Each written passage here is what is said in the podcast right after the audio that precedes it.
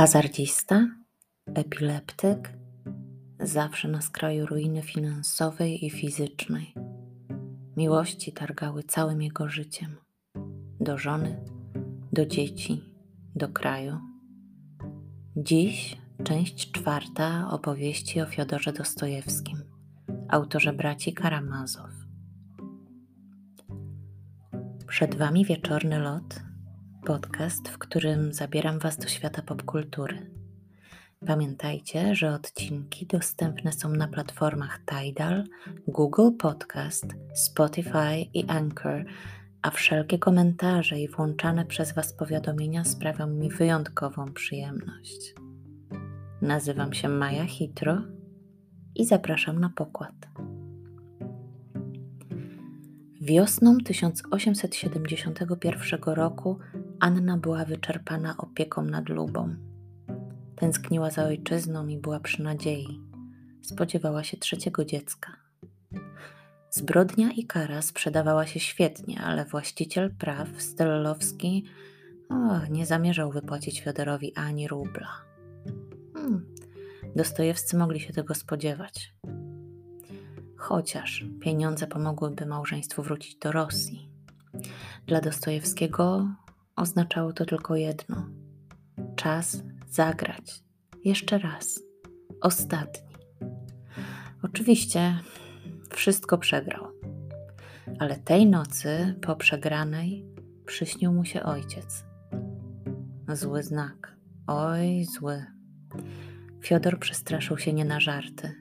Podobno do tego stopnia, że chęci na kasyna przeszły mu już do końca życia. Tyle wystarczyło, żeby pozbyć się nałogu. Jeden sen z ojcem. Wreszcie, po czterech latach udało się. Wrócili do domu. Było to doświadczenie dość surrealistyczne, biorąc pod uwagę, że rodzina trafiła do przeszłości. I dosłownie. Naprawdę, mówię to dosłownie, bo zgodnie z kalendarzem juliańskim, docierając z Drezna do Rosji, Dostojewscy cofnęli się 12 dni w przeszłość, do 7 lipca 1871 roku. Na granicy celnicy przetrząsnęli wszystkie ich rzeczy, wertowali książki, notatki. Do Petersburga zdążyli więc na ostatnią chwilę. Siedem dni później Anna urodziła syna, Fiedię.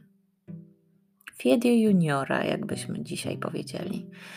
Dostojewski był przeszczęśliwy, zapomniał nawet na moment o tym, że Pasza pod jego nieobecność sprzedał wszystkie najcenniejsze książki. Połowa biesów była już gotowa, a dotychczas opublikowane części sprawiły, że środowiska konserwatywne uznały Fiodora za jednego z najwybitniejszych żyjących pisarzy rosyjskich. Kto by się spodziewał jeszcze parę lat wcześniej, że to właśnie z tej strony przyjdzie poparcie? Fiodor zdobył pieniądze, by spłacić najpilniejsze długi i zaczął pracę nad kolejną książką. Proces twórczy wyglądał jak zwykle. Pisał do siódmej rano, spał do czternastej. Poza tym musiał sprytnie powiązać całą fabułę biesów, żeby tworzyły płynną całość. Trudność polegała na tym, że przez coraz częstsze ataki epilepsji miewał już bardzo poważne problemy z pamięcią. Umysł rozpadał się mu na kawałeczki. Jeszcze jedna przykra sprawa, która dotknęła Dostojewskich w tym czasie, to śmierć matki Anny. Ale to nie jedyna zła, nie jedyne złe wydarzenie, nawet właściwie nie zła rzecz, ale złe wydarzenie, które miało się wydarzyć w tym czasie. Córka, czyli Anna, liczyła bowiem, że wkrótce z rodziną zajmie dom po matce, ale Fiodor powierzył administrowanie nim znajomemu. I wszystko byłoby w porządku, gdyby nie fakt, że znajomy nie płacił podatków i doprowadził tym do potwornych zaległości. Ale o to chodziło. Poczekał, aż dom wystawiony zostanie na licytację. Szybko spłacił należności i stał się jego właścicielem za naprawdę drobną kwotę. Taki czas, takie prawo, albo bezprawie. I takie nieszczęście Fiodora przez całe życie. Całe życie pech. Był to jednak moment przełomowy, w którym Anna powiedziała dość i przejęła zarządzanie finansami. Okazało się, że jest w tym świetna. Na dodatek pokręciła się tu i tam i zdobyła informacje na temat samodzielnego wydawania i publikowania książek. I tak zdecydowali. Własnymi siłami wydrukują pierwsze kompletne wydanie Biesów. Na początek 3,5 tysiąca egzemplarzy. Wydatek był to spory, ale nie porównywalny do straty, jaką mógł ponieść Fiodor, odsprzedając prawa wydawcy za niecałe 500 rubli. Jak wyglądały wtedy stawki? I znów. Tym razem szczęście dopisało, bo Fiodorowi zaproponowano stanowisko naczelnego grażdanina takiego magazynu bardzo konserwatywnego z pensją 3000 rubli, a dodatkowo wypłacanymi honorariami za artykuły. Trudno było nie przyjąć takiej propozycji, bycia redaktorem naczelnym. No, jedyną taką dyskusyjną sprawą był profil magazynu. Jesteśmy w roku 1873. W tym samym czasie Dostojewscy zamieścili anonsy w gazecie. Dostępne jest pierwsze kompletne wydanie Biesów. Cisza. Nerwy w domu, aż nagle do drzwi zaczęli pukać kurierzy z księgarni. Widząc Annę, młodą jeszcze przed trzydziestką dziewczynę, która otwiera im drzwi, natychmiast zaczynali się targować. Ale na darmo. Anna była po stokroć cwańsza od nich wszystkim razem wziętych. Chwilę później pojawiły się pierwsze recenzje. Krytyka była różna. Fiodorowi zarzucano, że występuje przeciwko studentom, którzy chcą zmienić Rosję na lepsze. Inni pisali, że brakuje tu kapitalizmu i industrializmu, bo bez nich nie można dziś opowiadać przecież o problemach społecznych. Jednogłośnie jednak wszyscy chwalili talent narracyjny pisarza. Wielki talent. Ale Fiodor miał już w tym czasie inny problem. Nie szło współpracować z właścicielem grażdanina, księciem Mieszczerskim, który kazał publikować własne artykuły o ważności wstrzymywania reform czy konieczności objęcia nadzorem policyjnym domów akademickich. A szczytem było już, gdy Mieszczerski umieścił wywiad z carem, rozmowę spisaną bez wiedzy władcy, którą prywatnie jakiś czas wcześniej przeprowadzili. Fiodor za tę publikację spędził dwa dni w więzieniu, a to i tak niedługo. W końcu to Romanowowie finansowali pismo i każda rzecz od tego momentu podlegała już bardzo mocnej cenzurze. Fiodor i tak długo wytrzymywał. Po roku jednak przyszedł czas, aby złożyć rezygnację. Nie miał już na to siły, nie tak chciał pracować.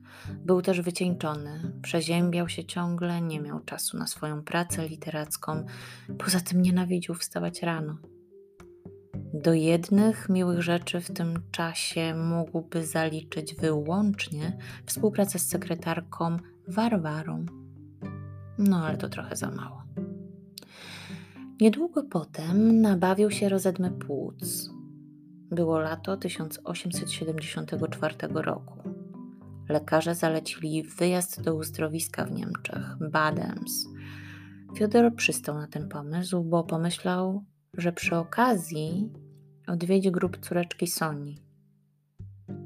Podróż z Badems do Genewy nie była krótka, a jednak o wiele krótsza niż droga, którą musiałby pokonać z Rosji.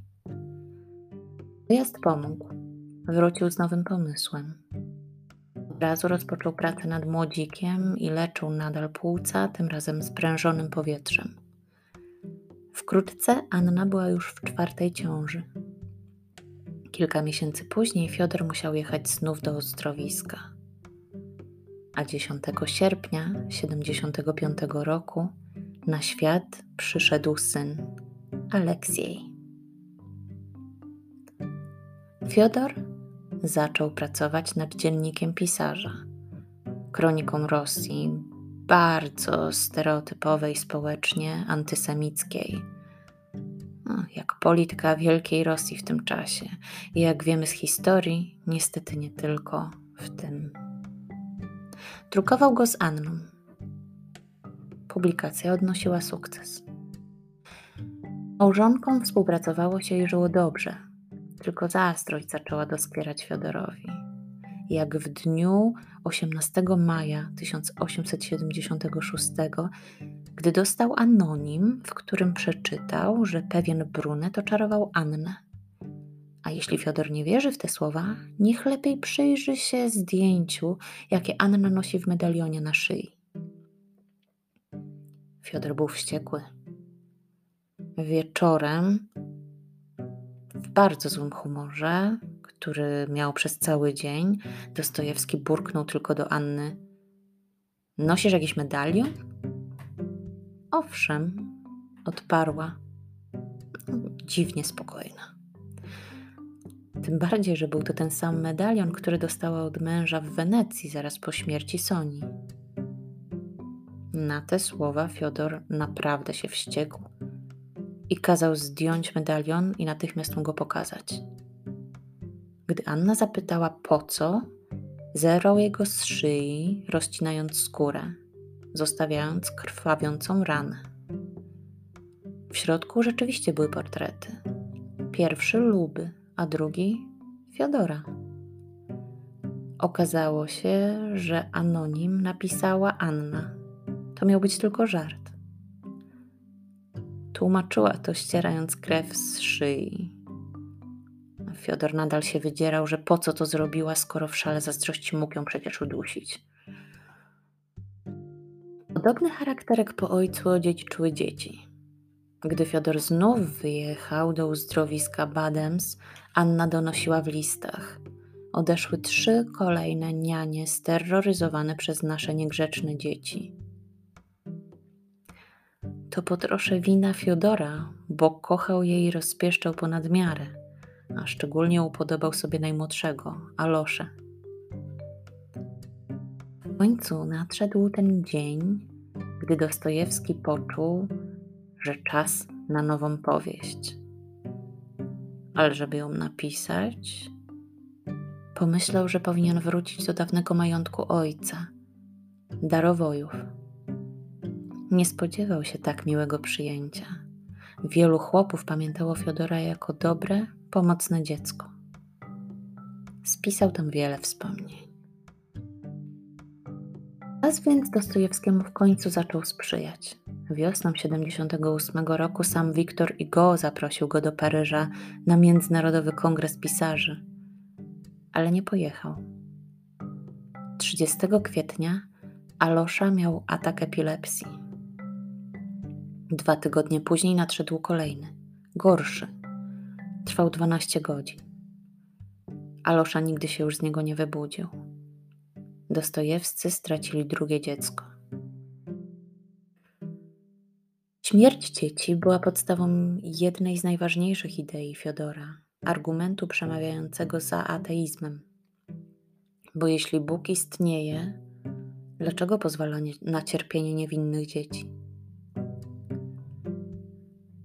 Jedynym wyjściem w tym czasie było rzucenie się w wir pracy. Powstawała książka, ta wymarzona, miała być najważniejsza z motywami, konfliktami, archetypami i nowymi ideami gromadzonymi przez Fiodora. A wśród bohaterów innymi Fiodor Karamazow, ojciec alkoholik ze zrujnowanego majątku na wsi, gwałciciel dziewczyny z okolic, który zostaje zamordowany dla trzech tysięcy rubli. Przypomnijcie sobie pierwszy odcinek poświęcony Fiodorowi w którym opowiadam o jego ojcu. Pewnie zobaczycie podobieństwo. Poza tym wśród bohaterów synowie Karamazowa. Dymitr, reprezentujący życie cielesne, którego szybko zgubi namiętność do kobiet i rozrzutność. Iwan, reprezentujący życie umysłowe, wkrótce wątpiący, więc będą go nękać halucynacje. Kolejny to Benkart, Smierdiakow, nihilista, reprezentował wiarę. A czwarty brat, młody mnich, Alosza. Tak powstali bracia Karamazow. W tym czasie nazwisko Fiodora bardzo się już liczyło. Kolejne części braci publikował w ruskim wiestniku. Wkrótce nadszedł ten dzień, gdy zaproszono go na obiad z udziałem synów cara, wielkich książąt Siergieja i Pawła. Regularnie bywał już w pałacu zimowym, gdzie osobiście poznał cara Aleksandra II. Poza tym do swojego popularnego salonu zapraszała go Zofia Tołstoj i podczas jednego z takich wieczorów spotkał diabła pod postacią młodego człowieka w przebraniu francuskiego ambasadora. Widział nawet jego ogon chowany pod surdutem. Pytał potem znajomych, czy było to przewidzenia, ale wierzył, że jednak prawda. Antychryst według Fiodora hulał po Rosji, czego konsekwencje miały dać się poznać już wkrótce. Postrzelono gubernatora Petersburga, zasztyletowano szefa trzeciego oddziału i strzelano do cara Aleksandra II. Tu strzały oddawał terrorysta Aleksandr Sołowiow, który zaraz po tym wypił truciznę. Car przeżył był to trzeci zamach na jego życie, ale nie ostatni. Niedługo miały nadejść kolejne. Ale Dostojewski coraz bardziej zamiast zdrowiem innych musiał przejmować się własnym życiem. Z płucami było coraz gorzej. Nawet spacery go męczyły. Bracia Karamazow czekali jednak na dokończenie. Sam Tołstój słał pozdrowienia – tłum okrzyknął Dostojewskiego prorokiem. Ale Fiodor był już mocno zmęczony. Życie go nie oszczędzało. Zawsze był głosem uciemiężonych. W niedzielę 25 stycznia 1881 roku przyjął zaproszenie do pałacu zimowego. W nocy miał krwotok z nosa. Uszkodzona arteria płucna, powiedział lekarz. Fiodor się wystraszył, bo spełniała się jego największa zmora od dziecka, że umrze w nocy, albo że zaśnie tak głęboko, że bliscy pomyślą, że wyzionął ducha. I znów, tak jak kiedyś matce, tak teraz żonie, zostawił karteczkę z prośbą, by pochowała go po trzech dniach od stwierdzonej śmierci. Na wypadek, gdyby się jeszcze obudził. 28 stycznia Fiodor leżał na kanapie w swoim gabinecie. Oddech mu świszczał. Na podbródku rysowała się czerwona stróżka krwi. Anna trzymała go za rękę. Obok siedziały dzieci. Przyszli Pasza i Majkow. Pamiętaj, Aniu, zawsze gorąco Cię kochałem i nie zdradziłem nigdy, nawet w myśli powiedział cichutko Fiodor. To były ostatnie słowa Dostojewskiego. Następnego dnia przed mieszkanie przechodziły tłumy, aby pożegnać pisarza. Hrabiny i książęta, studenci, pisarze, dziennikarze, czytelnicy, sąsiedzi, najzwyklejsi ludzie. Wszyscy chcieli złożyć hołd artyście, którego ciało leżało w otwartej trumnie na stole. Po kilku dniach, zgodnie z prośbą, został pochowany.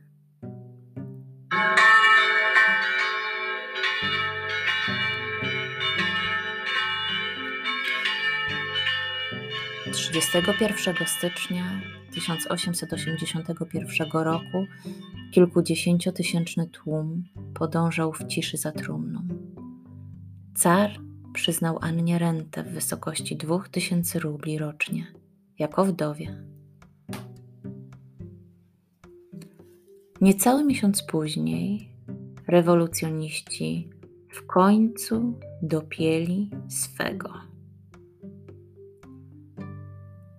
Atak na cara się udał.